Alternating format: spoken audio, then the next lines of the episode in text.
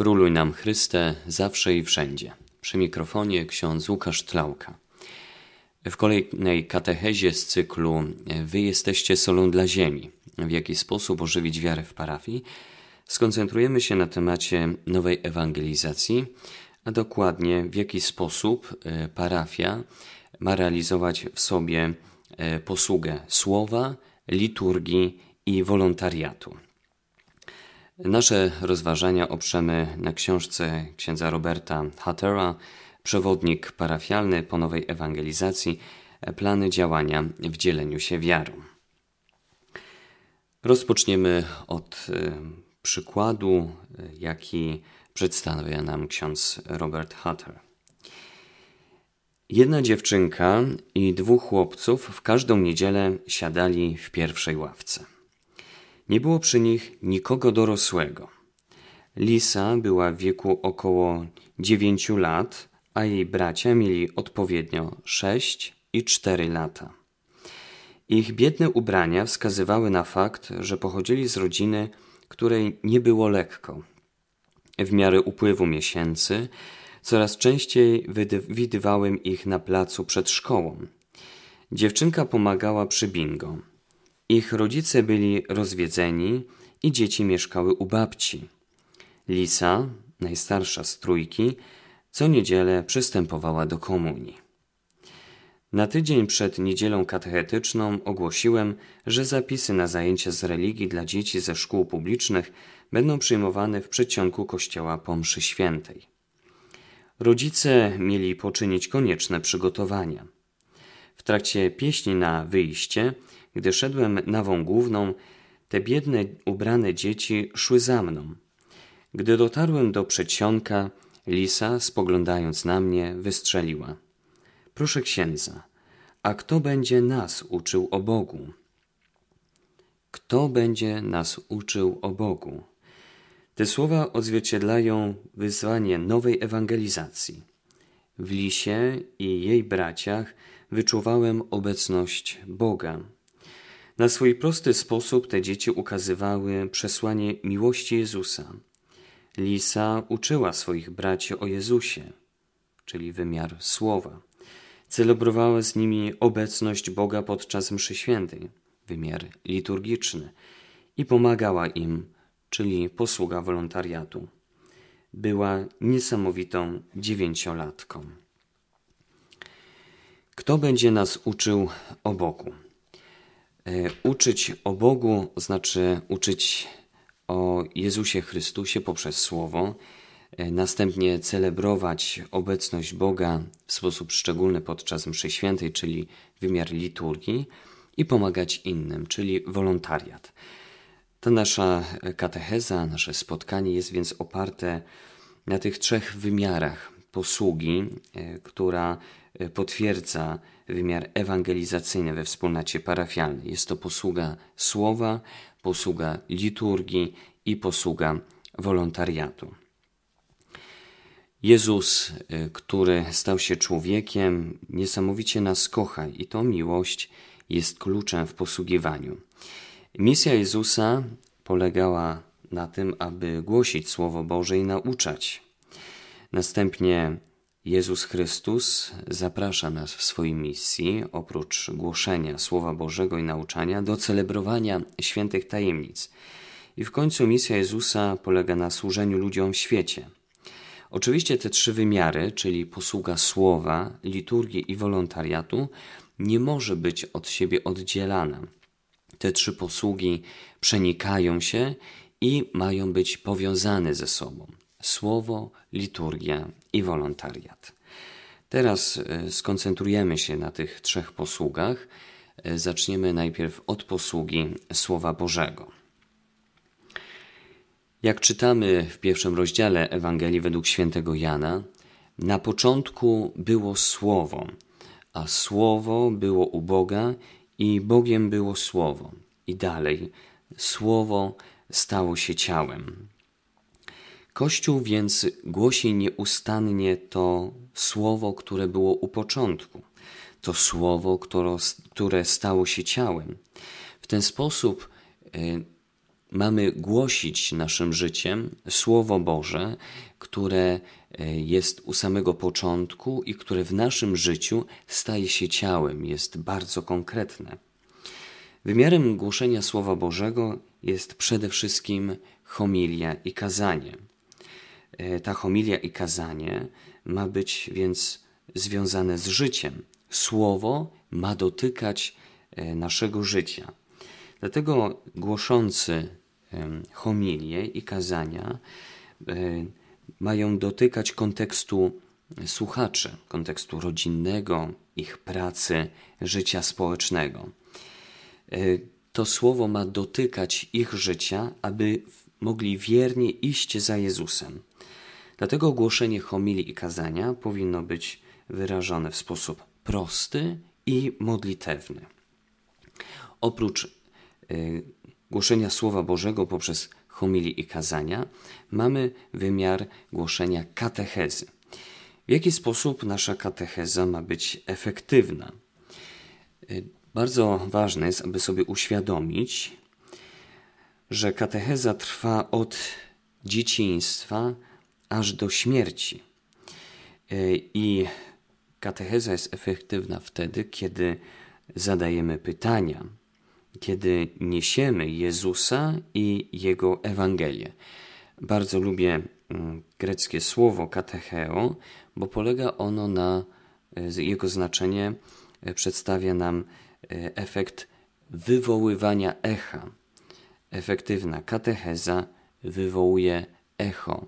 Mamy tego, który głosi i mamy odpowiedź słuchających, wywołanie echa echa w naszym życiu. Katecheza następnie powinna być związana z rodziną i młodzieżą. E, dorośli, e, to trzeba też sobie uświadomić, e, też powierzchownie znają prawdy wiary, dlatego trzeba zgłębiać coraz bardziej prawdy wiary wśród wielu parafian, dalej wspólnoty parafialnej. Jeżeli ktoś ma powierzchowność w znajomości wprawd wiary, wtedy jest też niezdolny do ich przekazywania.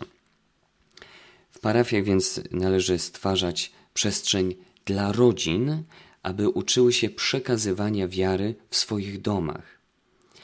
W parafiach powinna być katecheza zarówno dla dzieci, dla młodzieży, jak i dla dorosłych. Katecheza następnie powinna być E, oparta na głoszeniu Słowa Bożego. Dlatego e, głoszący, jak również ci, którzy słuchają, e, powinni być zakochani w Piśmie Świętym i opierać katechezę na Słowie Bożym. Następnie katecheza powinna być systematyczna.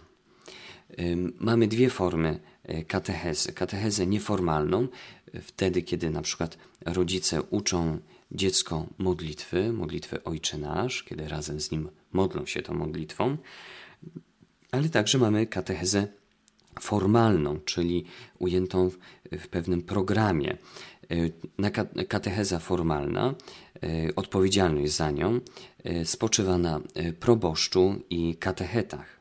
Celem takiej katechezy jest pogłębienie wiary, a także uporządkowanie poznania osoby i nauki Chrystusa. W jaki więc sposób mamy katechizować, aby ta katecheza była systematyczna? Po pierwsze, powinno być jasne i poprawne głoszenie przesłania biblijnego lub nauczania Kościoła. Katechedzi w ten sposób, głoszący, mają być dobrze uformowani i mają odnosić e, to, co głoszą, do życia. Następnie, e, oprócz jasnego i poprawnego głoszenia przesłania biblijnego lub nauczania Kościoła, ważne jest wzięcie pod uwagę doświadczenia lub sytuacji osoby lub grupy, która ma być katechizowana. Czyli mamy patrzeć na adresatów, do kogo mówimy tak jak święty Paweł, który głosząc dla, do swoich braci, Żydów, opierał swoje nauczanie między innymi na Piśmie Świętym, na tym, co e, nawiązuje do tradycji e, żydowskiej.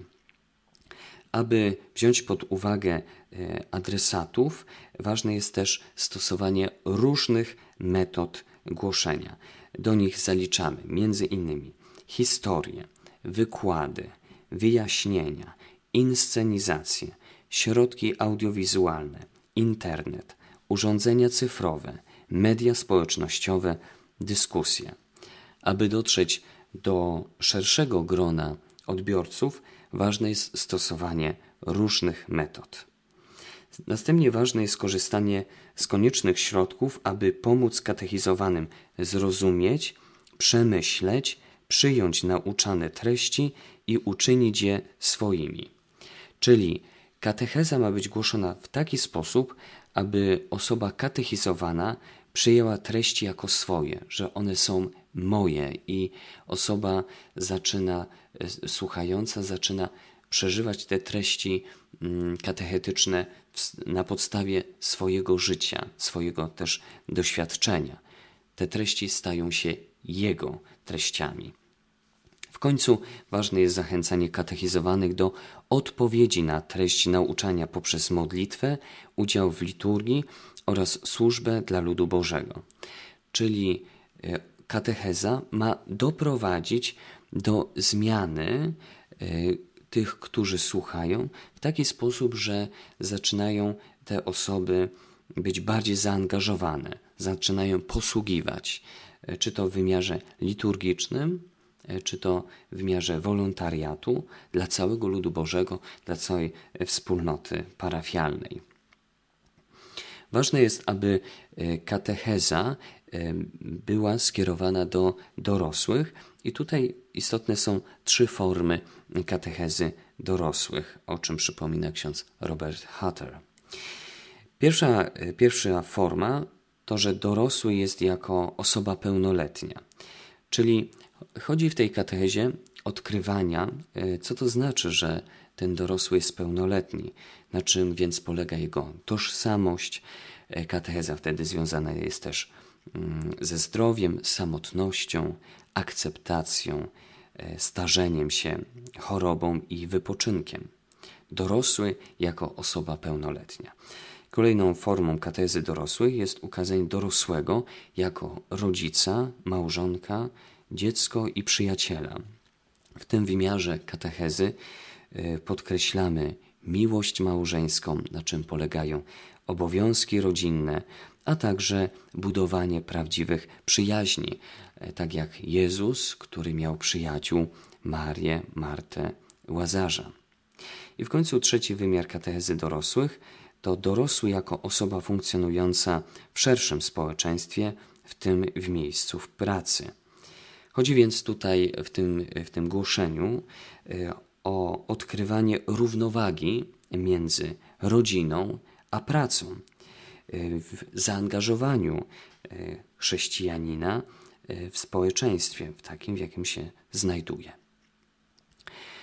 W ten sposób ukazałem kilka elementów posługi Słowa Bożego, gdzie ważne jest głoszenie poprzez homilię i kazania, następnie katechizowanie i odkrywanie miejsca Słowa Bożego w codziennym życiu. E, kolejna posługa to jest celebrowanie wiary w liturgii. Spotkanie z Jezusem, wezwanie Pana prowadzi w końcu do dziękczynienia, do uwielbienia Pana Boga. W liturgii celebrujemy więc naszą wiarę, możemy świętować to, co e, przeżywamy w naszym życiu, możemy wyrażać naszym wspólnym spotkaniu w liturgii.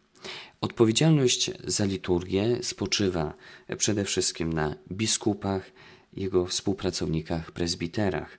Także diakoni e, pomagają biskupom i prezbiterom w wypełnianiu tej misji.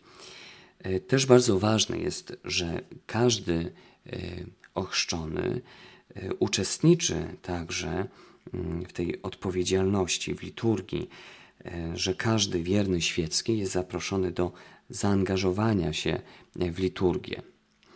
W liturgii chodzi o spotkanie człowieka z Jezusem.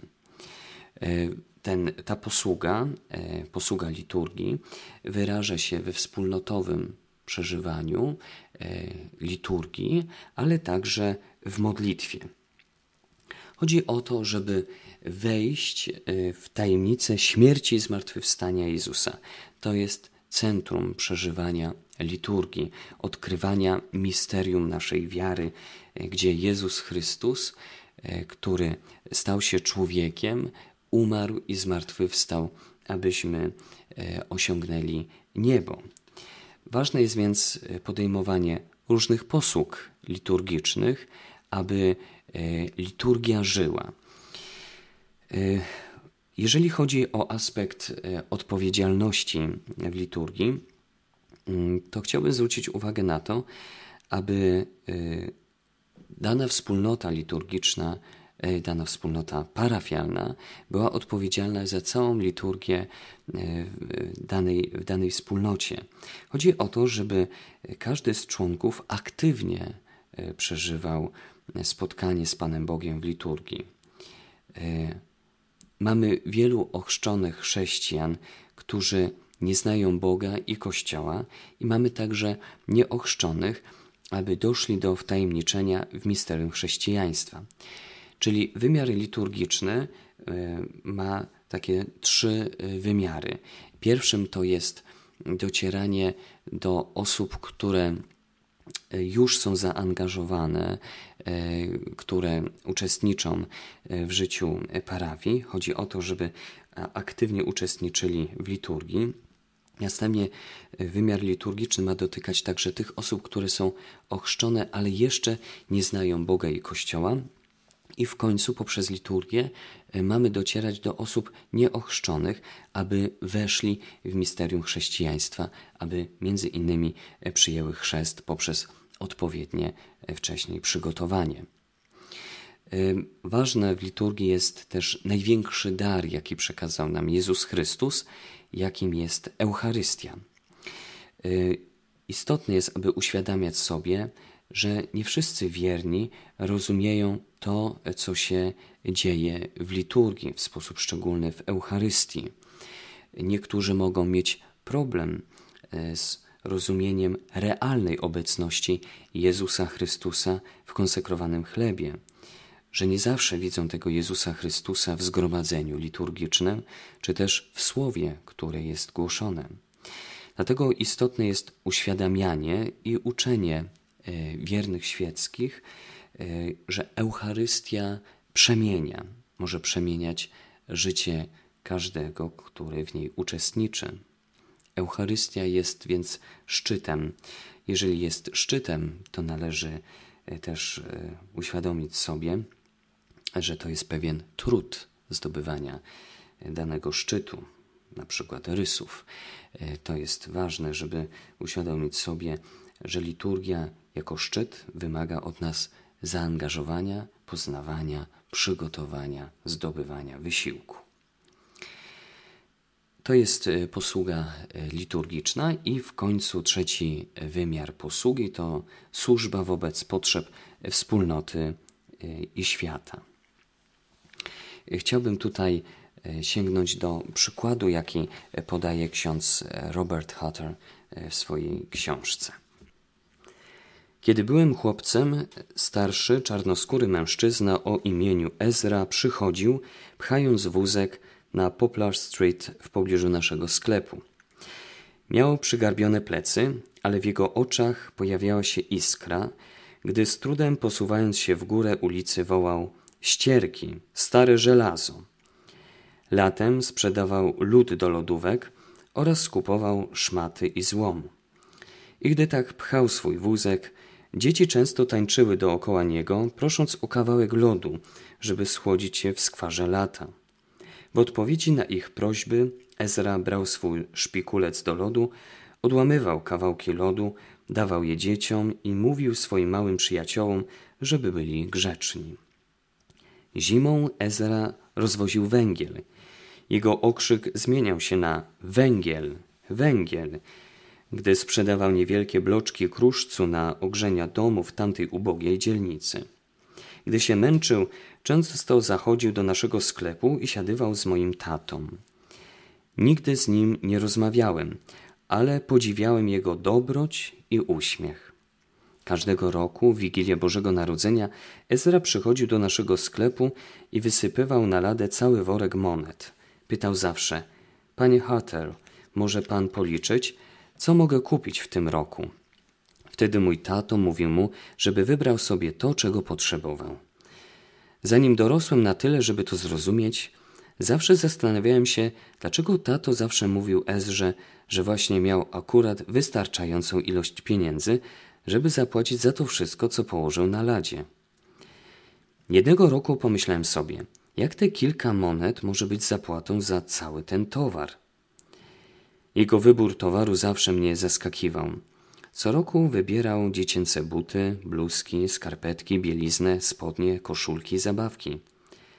Po tym, jak tato i Ezra dobijali targu, rozmawiali jeszcze i życzyli sobie nawzajem wesołych świąt. Kiedy byłem w szkole średniej, zapytałem tatę o Ezrę. To wspaniały starszy człowiek, Bob, powiedział. Odparłem, pewnie ma dużo dzieci, skoro tyle dla nich kupuje. Tato się uśmiechnął, kontynuując. Nie wiesz, kim on jest, prawda? Powiedziałem, wiem, rozwozi lód i węgiel. Tato ciągnął dalej. To prawda, ale Ezra to ktoś więcej. Jest kaznodzieją w małym witrynowym kościele na drugim końcu Poplar Street. Należy do niego około dwudziestu dorosłych członków. On sam nie ma dzieci. Te wszystkie prezenty są dla biednych dzieci z jego wspólnoty. Ezra nie ma prawie żadnego wykształcenia, ale wiem, że jego wspólnota uczy się od niego miłości Boga. Zna Biblię i nią żyje, nawet gdy sprzedaje lód i węgiel. Ezra jest prawdziwym chrześcijaninem. Każdy z nas zaproszony jest do y, służby w wymiarze wolontariatu, y, tak jak to się działo w pierwszych wiekach chrześcijaństwa, gdzie wierni spotykali się ze sobą, przekazywali y, historię o Jezusie Chrystusie, łamali się chlebem, przeżywali Eucharystię i pomagali sobie, a także innym.